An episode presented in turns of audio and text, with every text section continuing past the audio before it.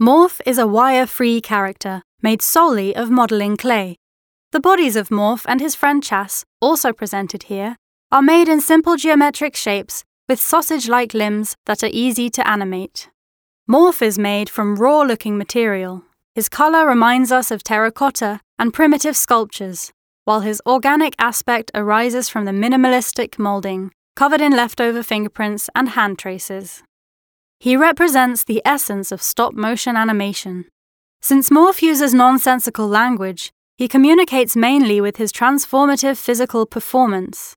Morph's adventures are told solely through gesture, in the manner of a mime.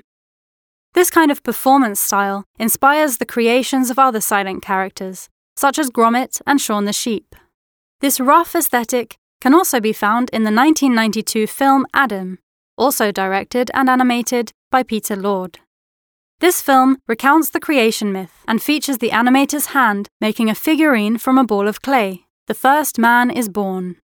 His expressions are skillfully sculpted to express a large variety of emotions anger, fear, joy, anxiety, or frustration. The clay is given great expressive qualities through the means of animation.